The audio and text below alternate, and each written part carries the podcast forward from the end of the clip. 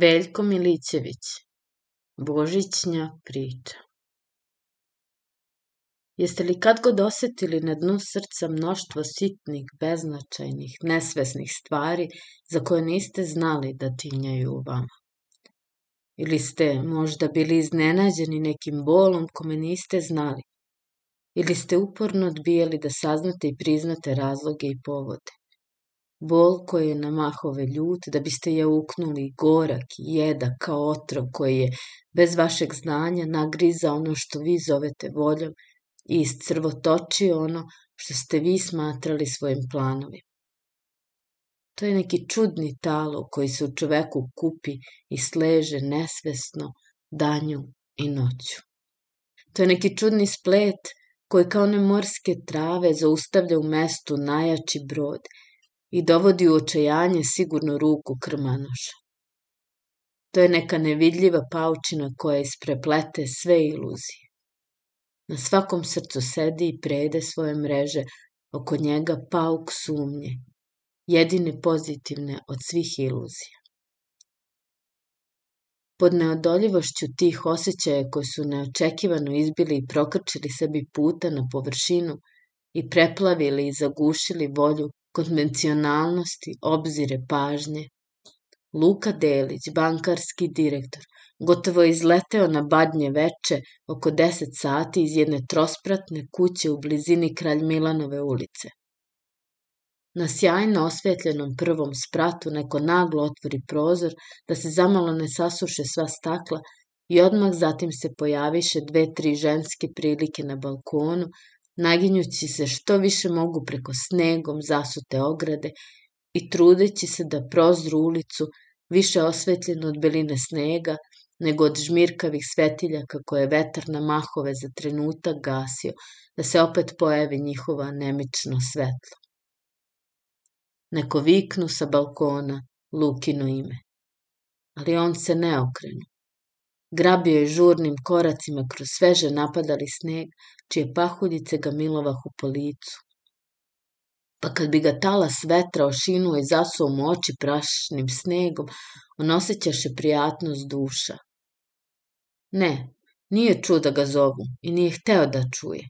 Nije hteo da ga sustigne srodnička potera, čiju škripu koraka je čuo za sobom iz daljine. Kad zajđe za jedan ugao, On se skloni za tarabe jedne avlije čija vrata su bila otvorena. Jedan crni pas ga onjuši, ali ne zalaja. Iz stanova se čula božićna pesma, veselje i žagor dece. Otvoriše se napola jedna vrata i jedna žena izruči gotovo na njega punu činiju vode. U tome protutnjaše i koraci. On oprezno iziđe i pođe u protivnom pravcu. Lutao je tako bez cilja. Zamalo ga ne pregaziše jedne saonice. Oni koji su sedeli u njima, muškarci i ženske na njihovom krilu, okretoše se mašući rukama i ubikujući mu nešto veselo, misleći da je pijan.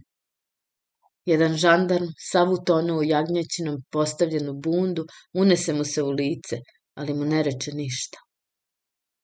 Luka Delić je nalazi jedno neizrecivo uživanje da gazi ulicu za ulicom, sokače za sokačetom, kao da svuda ostavlja jedan deo tereta koji je nosio na srcu. Osećao je kako mu je bivalo lakše. Haos u njemu se postepeno stišavao. Misli počele su da cirkulišu normalno. Onda oseti umor i pogleda oko sebe da vidi gde se nalazi. Bio je negde u Aleksandrovoj ulici, On uđe u prvu kafanu pred kojom je stajalo nekoliko fijakera. Ponoć je morala biti prevalila. Dim, ustajan vazduh, miris mokre obuće, čaršavi ispolivani vina. Čubursko-hrvatska slovenačka kapela besomučno je lupala po tamburicama i po basu, a njih je nadvikivala promukla i neskladna pesma u kojoj su se lomili i nadmetali svi akcenti i izgovori od Jadranskog do Egejskog mora. Gazda pođe u susret i pokloni se novom uglednom gostu. Kelneri smakoše prljavi, prostreše čist čaše i otvoriše flašu rizlinga.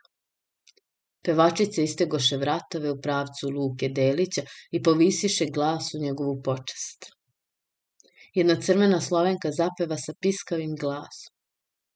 Tri puti čuhnuh na pencer Mila Daskalice, dok druga, zagrebčanka u kratkoj i utegnutoj suknjici, obilažaše sa tanjirom stolove, kupeći bakšiš i primajući sa smehom dosetke i familijarne gestove. Kad dođe do Luke Delića, ona mu pruži tanjir, dodurujući mu grudima rame i reče Kako su kaj, gospon? On baci nekoliko banki među izgužvane i pocepane dinare. Priđe mu neki polupijan poznanik kome nije znao imena i htede sa bujicom reči i svojim celim socijalno-političkim programom da sedne za njegov sto. On ga hladno odbi. Umeša se gazda i gotovo silom odvuče nametljivog poznanika za njegov sto. Čaša, dve, tri. Odbi ljubaznu ponudu pevačice da mu prave društvo. Malo kasnije. Neka jedu i piju na njegov račun za drugim stolom, ali samo za moment neka ga ostave na miru. Malo kasnije. Da, kako je sve to bilo? To sve što je prošlo, što je zaveo sneg kao tragove njegovih stopa. To sve što je otišlo u nepovrat. To što se za tren oka odigralo u domu njegovog nesuđenog tasta, gazda Mijajla, rentijera i njegove nesuđene verenice, gospođice Radmile, koja jedva obraćaše pažnju na ono što je govorio, sva predata razgovoru s jednim gardskim potporučnikom, gordim na svoje brčiće i na svoju duhovitost. Njegove dosetke su toliko razdragale gospođicu Radmilu da je ona tražila da se i Luka Delić njima oduševljava. Gospodin Gardicki potporučnik sa nakarminisanim usnama bi uvek toliko ljubazan da još jednom ispriča Luki Deliću ono što je ovaj prečuo ili nije mario da čuje. Uz laki prekor Luki Deliću za njegovu nedelikatnu nepažnju, Gđica Radmila se divila koketno spuštala svoje devojačke oči na izvesne dvosmislenosti, da posle toga pogleda pravo u zenicu i da se smeje. Tako da je nesuđena tašta gospa Zora morala blago da interveniše i da utišava čerku i oficira, pogledavši sa materinskim osmehom Luku delice kome na svaki način mora biti milo što se tako bezazleno šale. Valjda neće niko biti bezobrazan da misli da se oni dotiču kolenima i da je gospodin gardijski potporučnik već napolo osvojio položaj kućnog prijatelja. Toliko su bili nestrpljivi što kuvarica tako polako služi večeru i što tata tako dugo i mnogo jede, da izgleda da se nikad neće preći u salon i da nikad neće započeti igranka.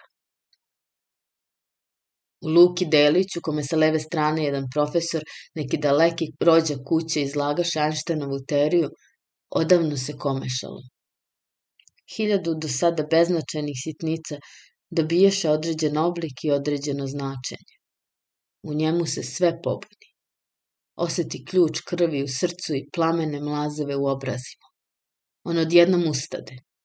Mora da izgledaju izobličeni, jer svi prestadoše da jedu i poskakaše na noge, sem gardijskog potporučnika koji se samo zavalio na stolicu i podrugljivo se smeškao. Gazda Mijajlo samo sa jednim ubrusanom stranom lica, dok se na drugoj caklila mast, Radmila malo zbunjena i neodlučna, da li da zauzme žalostan ili uvređen izraz. Dve, tri njene drugarice pogledaše ispod oka neke mladiće koji namignuše da je tu skandal o kom će imati da se priča. Jedna zabezeknuta tetka koja je već davno pričala da se ovo neće na dobro svršiti. Gospa Zora, koja se sa prisebnošću duha stvorila pored zeta, uhvatila ga za ruku i ponavljala. Šta je Luka, čedo moje? Ništa, ništa, reče on potmulo. Sad ću ja. I iziđe iz sobe. U hodniku ga stiže profesor sa Einsteinovom teorijom. Luka Delić mu zalopi vrata pred nosom i pohita ni stepenice. Tako je to bilo. Iz misli ga trže graja koja se diže kod jednog stola. Načini se gužva, puče jedan šamar, preturi se sa treskom jedan sto sa svima čašama i flašama. Njegovog poznanika lupiše o vrata na kojima se razbi staklo I tu ga dočekaše i ščepaše muskulozne ruke momka iz kujne sa zasukanim rukavima i tresnuše ga na ulicu sa svim njegovim socijalno-političkim programom. Gosti posedaše, pobednici se vratiše na svoje mesto, momak iz kujne dobaci pogled pevačicama koje se divljahu njegove virtuoznosti u izbacivanju, kelner ispraviše prevaljeni sto i pokupiše staklo. Sve je bilo u redu. Pevačice zapevaše nekim jugoslovenima. Šic, mic, micika, bili htela šustera. Luka Delić plati račun i pođe iz kafane, odbijajući ponude fijakerista u šubarama da ga povezu. Prijala mu je jutarnja hladnoća, ali on ipak podiže jako od kaputa da mu ne pada sneg za vrat. Da ide kući, to bi bilo najbolje. Osjećao se lak kao ptica. Kako je to lepo biti slobodan. Koliko je to uživanje gaziti ovaj božićni sneg i znati da čoveka ništa ne tišti. Baš ništa. Šta mu to prođe i senu kroz glavu, kad kroz jedan osvetljen i nezasrt prozor na jednoj niskoj kući vide jednu porodicu koja je zadovoljno sedela oko stola. Čuli se deči glasovi. Roždestvo tvoje. Toj deci je prijatno i toplo. A kako je ono dvoje? Devojka koja je bila njegova i sin koga još nije video.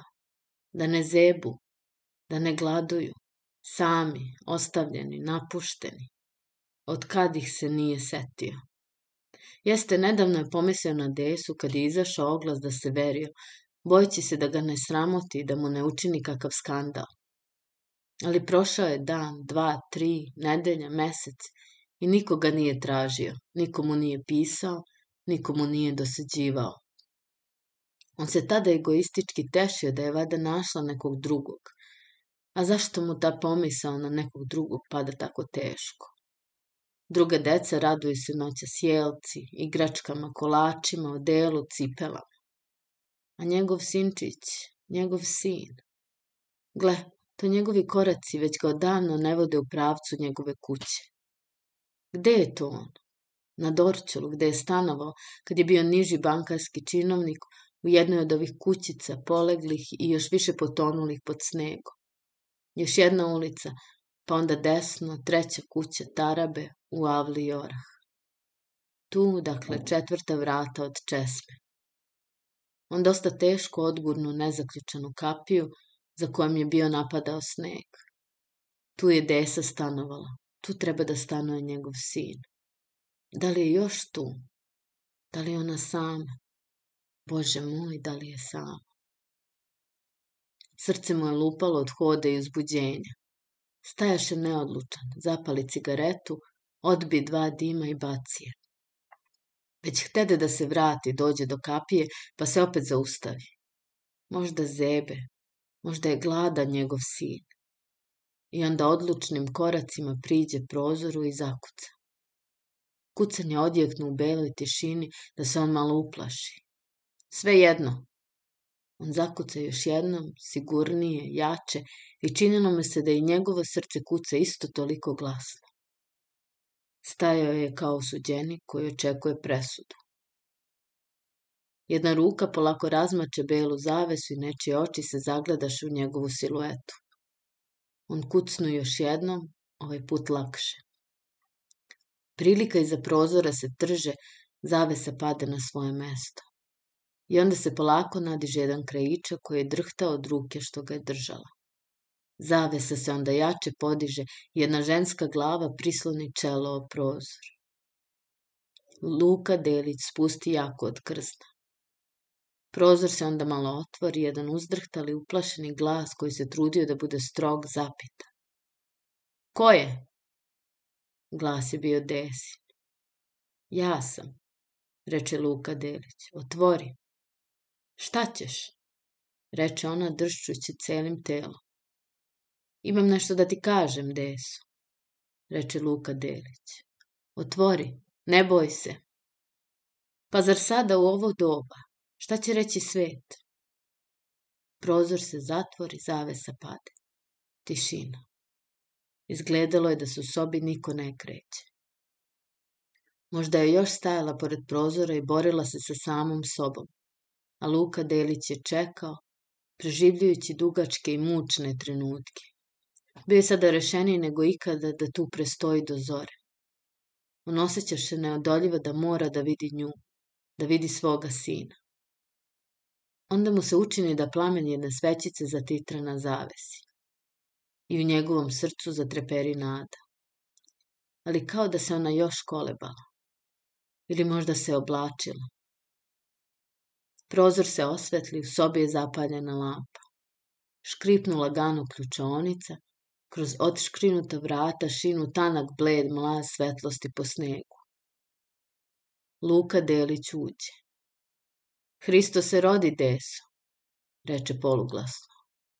Ona je stajala nasred sobe koja je isti mah bila i kujna, naslonjena leđima na sto, sa oborenim očima, gledajući jednu tačku iza vrata i trudeći se da savlada svoje uzbuđenje. Drhtala je, pritiskujući jednom rukom grudi.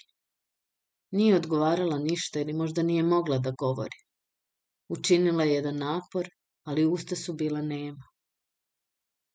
Oprosti mi, desu, reče Luka Delić i htede da je uzme za ruku koja je bila opuštena niz bedro. Ona skloni ruku za sebe na sto, ali diže svoje dobre, pametne, verne oči, koje su se toliko naplakale zbog njega i pogleda ga prvi put. To je bila ista ona desa koja je i pre više od godinu dana samo malo umršavela, tužnija, umornija. Uspela je samo da prošapće. Sedi. I da prikrije svoje uzbuđenje, sagnu se pored šporetića, okrenuta licem od njega i poče da loži, paleći šibice koje su se u drhtavoj ruci gasile. Luka Delić se sav bele od snega koji na njega napadao. On pođe da kroz vrata otrese šešir. Ona mu ga uze iz ruke, a otrese ga isto učini skrznom, postavljenim kaputom koji je Luka Delić skinuo. I ponovo se vrati loženju vatre koje poče polako da pucara. Sve je bilo skromno, sirotinski, ali čisto i u redu. Osećalo se siromaštvo, ali i volja da ta sirotinja ne bude prljava i ružna. Svuda se videlo da deset prstiju ne znaju za odmor i da krvavo zarađuju svoje parče hleba i života. Preko mašine za šivenje bio je prebačen nedovršen posao koji je verovatno bio rađen duboko u noć, kao i dovršene stvari koje su bile naslagane na jednoj stolici. Mala krojačica je bila vredna i neumorna, jer to treba za onu malu, plavu glavicu koja je utonula u jastuk, odakle se čulo slatko detinje disanje. To je disao njegov sin, ali on još ne sme da mu priđe. Ispod ogledala on sagleda svoju fotografiju. Da ovde dolazi neko drugi, taj sigurno ne bi tu trpeo. I oči mu se opet vratiše i ne razdvajahu se od dečije kreveta. On se opipa po prsluku, da li ima pri sebi koji komad zlatnog novca.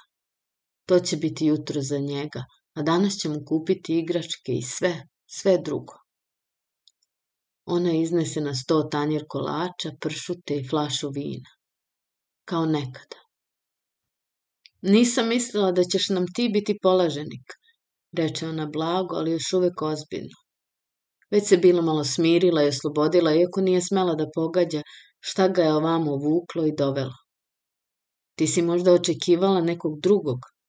Ote mu se pitanje koje ga je mučilo.